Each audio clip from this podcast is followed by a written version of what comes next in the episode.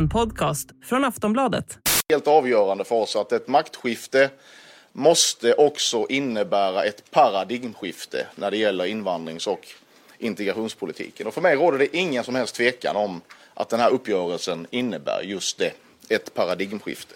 Hela det här dokumentet, läser man det från, från sida ett till den sista sidan så, så ser man att vi har gjort avtryck sakpolitiskt och det har varit det centrala för oss. Vi kommer att vara inblandade från början i de frågor där vi har avtalat att samarbeta. Det, så är det. Eh, jag betraktar det som att även om vi inte är ett regeringsparti så är vi i de frågorna med som vore vi ett regeringsparti.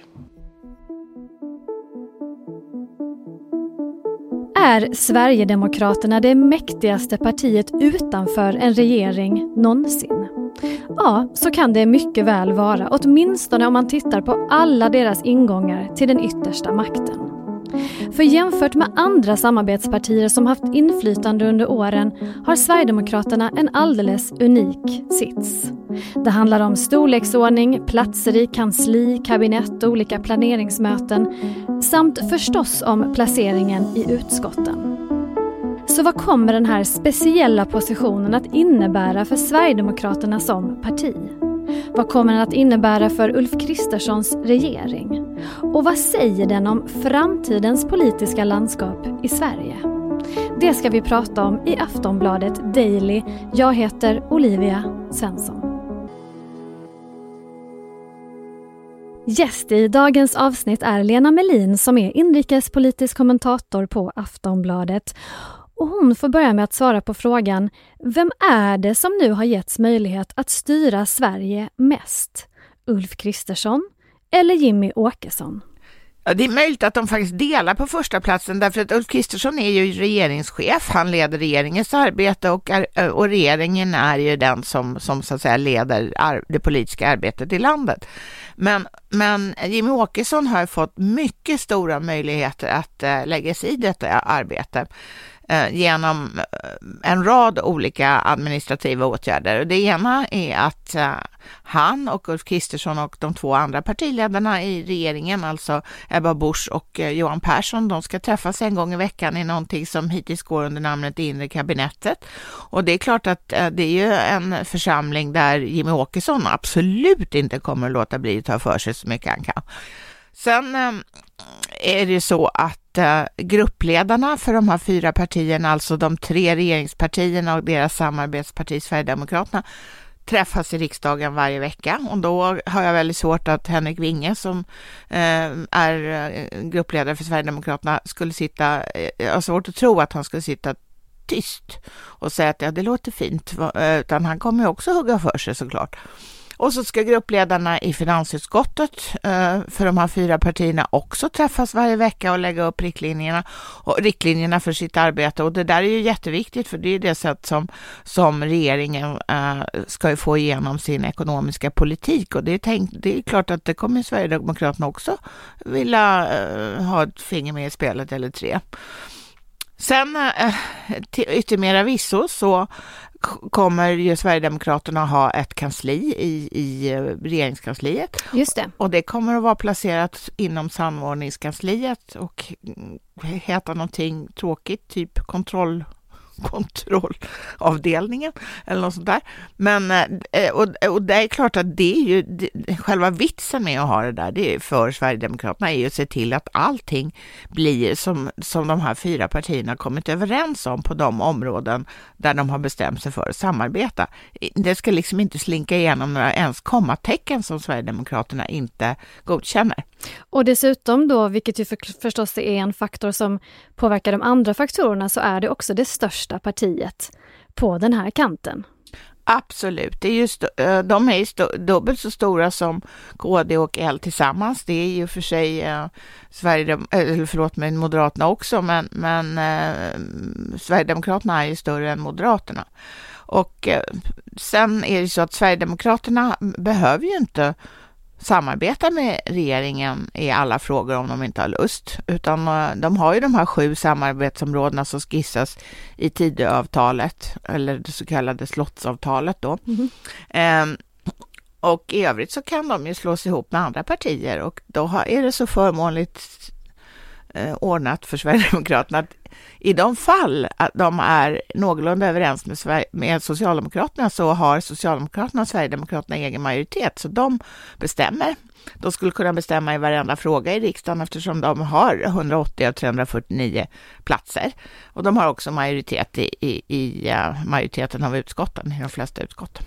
Är det i någon fråga där man redan nu skulle kunna tänka sig att eh, där finns en, vad ska man säga, ett incitament eller en anledning för, för Sverigedemokraterna att, eh, att göra det här? Jag tror kanske att de kommer att passa sig för det så här i inledningen av den här mandatperioden, för det, det, det kommer ju när det väl inträffar skapa väldigt dålig stämning.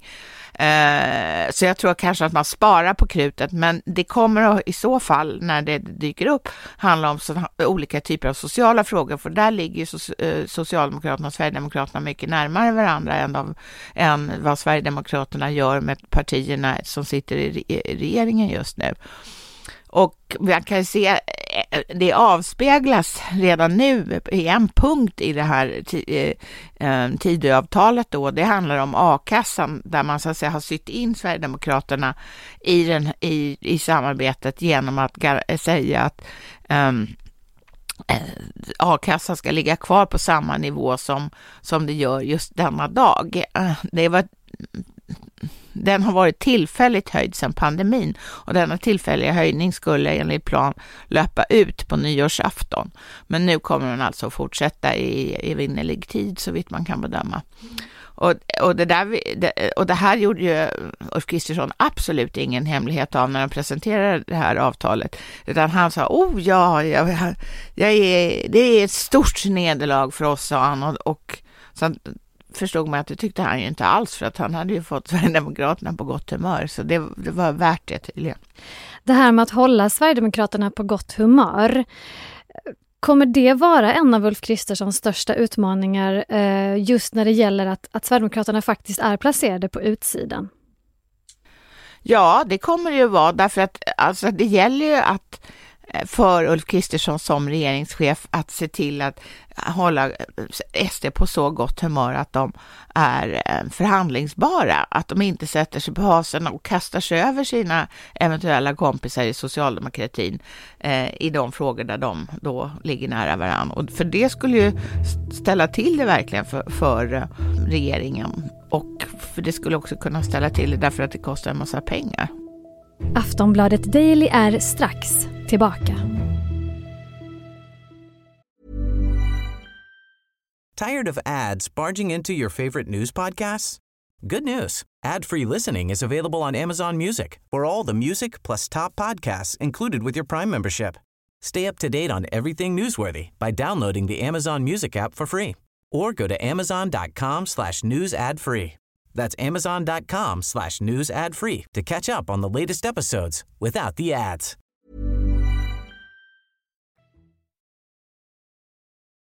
Om vi då ska sätta nuvarande läget för Sverigedemokraterna i någon slags perspektiv, finns det något annat parti som befunnit sig utanför regeringen som har varit i närheten av den maktposition som SD nu har? Nej, det, inte mm, enligt mig.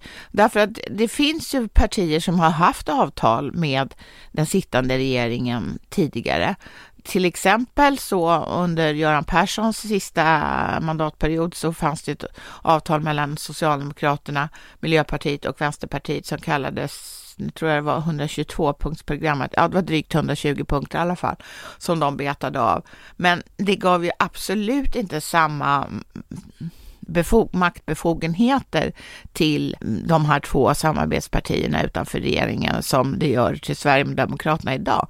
Och om vi tittar mer i närtid så kan vi titta hur det har sett ut, eller såg ut mellan 2014 och fram till till eh, förra hösten då när Magdalena Andersson eh, tog över och Miljöpartiet lämnade den S-ledda regeringen. Och hur de hade samarbetat med, med Centern och, och Liberalerna i januariavtalet så var det ju inte heller, alltså det var inte så eh, Alltså Centern hade inga, hade inga eh, tjänstemän på, på, i regeringskansliet, det hade Liberalerna och det berodde ju mest på att de hade så dålig ekonomi så de var ju glada för det tillskott de fick.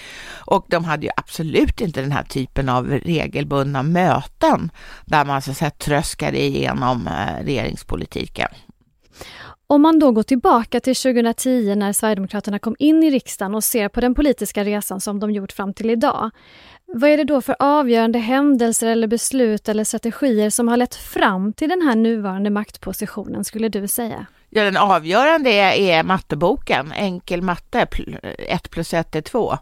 Därför att det, den stora förändringen kom ju e, efter valet 2018. Eh, när, I verkligheten, man kan ju säga att det var vissa konvulsioner under Anna Kinberg Batras tid som, som moderatledare, men det ledde ju inte mer till mer än att, att Moderaterna genomgick en kris. Men efter valet 2018, när Alliansen inte fick majoritet, då hade de att välja, de ingående fyra partierna, att välja mellan två, två av sina, visade sig, oförenliga vallöften. Det ena var att inte ha med Sverigedemokraterna att göra. Det andra var att Ulf Kristersson skulle bli statsminister. Moderaterna och Kristdemokraterna valde då att satsa på det ena kortet, nämligen att Ulf Kristersson borde bli eh, statsminister och för att klara det så krävdes det ju då ett samarbete med Sverigedemokraterna i någon form. Medan de andra två partierna då 20, hösten 2018 eh, så valde de det motsatta. De valde att hålla Sverigedemokraterna borta och då sprack alliansen så att Ulf Kristersson blev inte statsminister i alla fall, inte för nu. Jimmy Åkesson har ju sett väldigt nöjd ut på sistone. Jag såg honom själv i riksdagen i tisdags och det fullkomligen lyste om honom skulle jag säga. Vad innebär den här nya guldsitsen för honom som partiledare?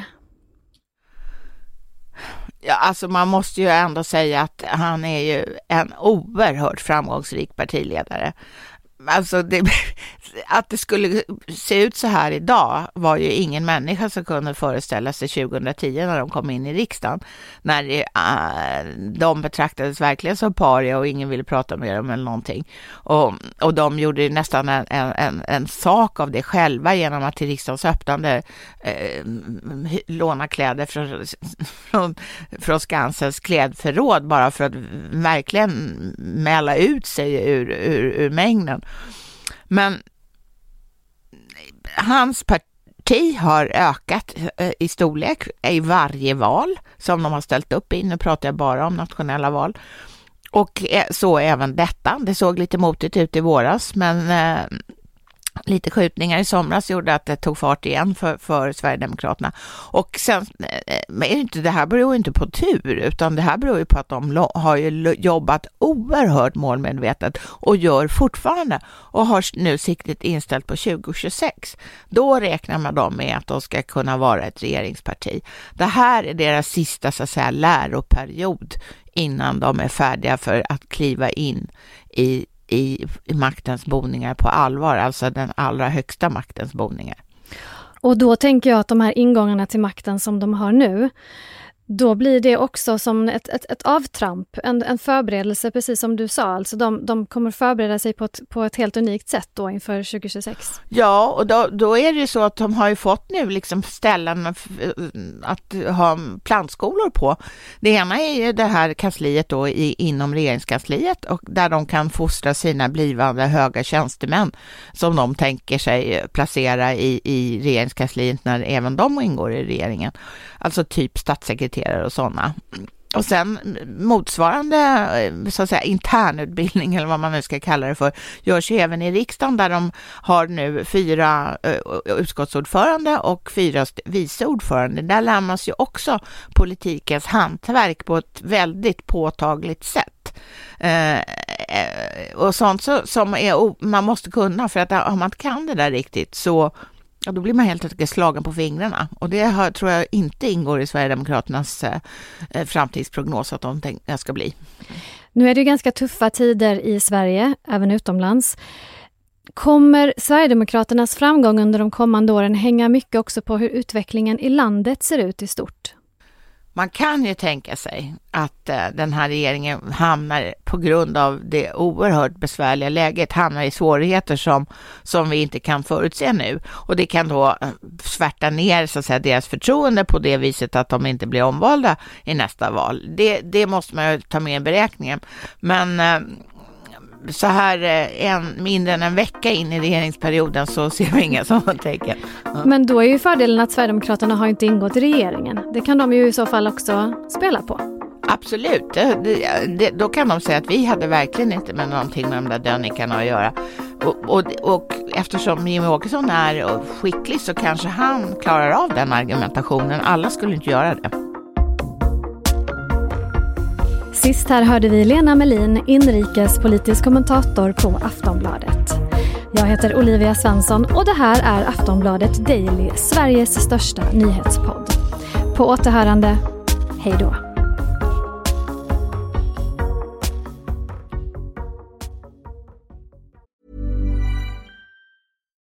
Millions of people have lost weight with personalized plans from Noom, like Evan, who can't stand salads and still lost 50 pounds. Salads, generally, for most people, are the easy button, right? For me, that wasn't an option.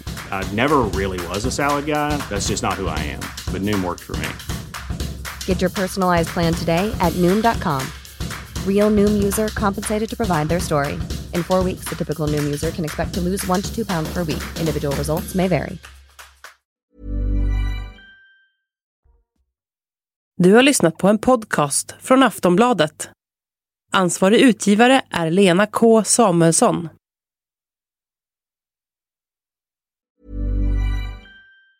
Tired of ads barging into your favorite news podcasts? Good news. Ad-free listening is available on Amazon Music for all the music plus top podcasts included with your Prime membership. Stay up to date on everything newsworthy by downloading the Amazon Music app for free or go to amazon.com slash news ad free. That's amazon.com slash news ad free to catch up on the latest episodes without the ads.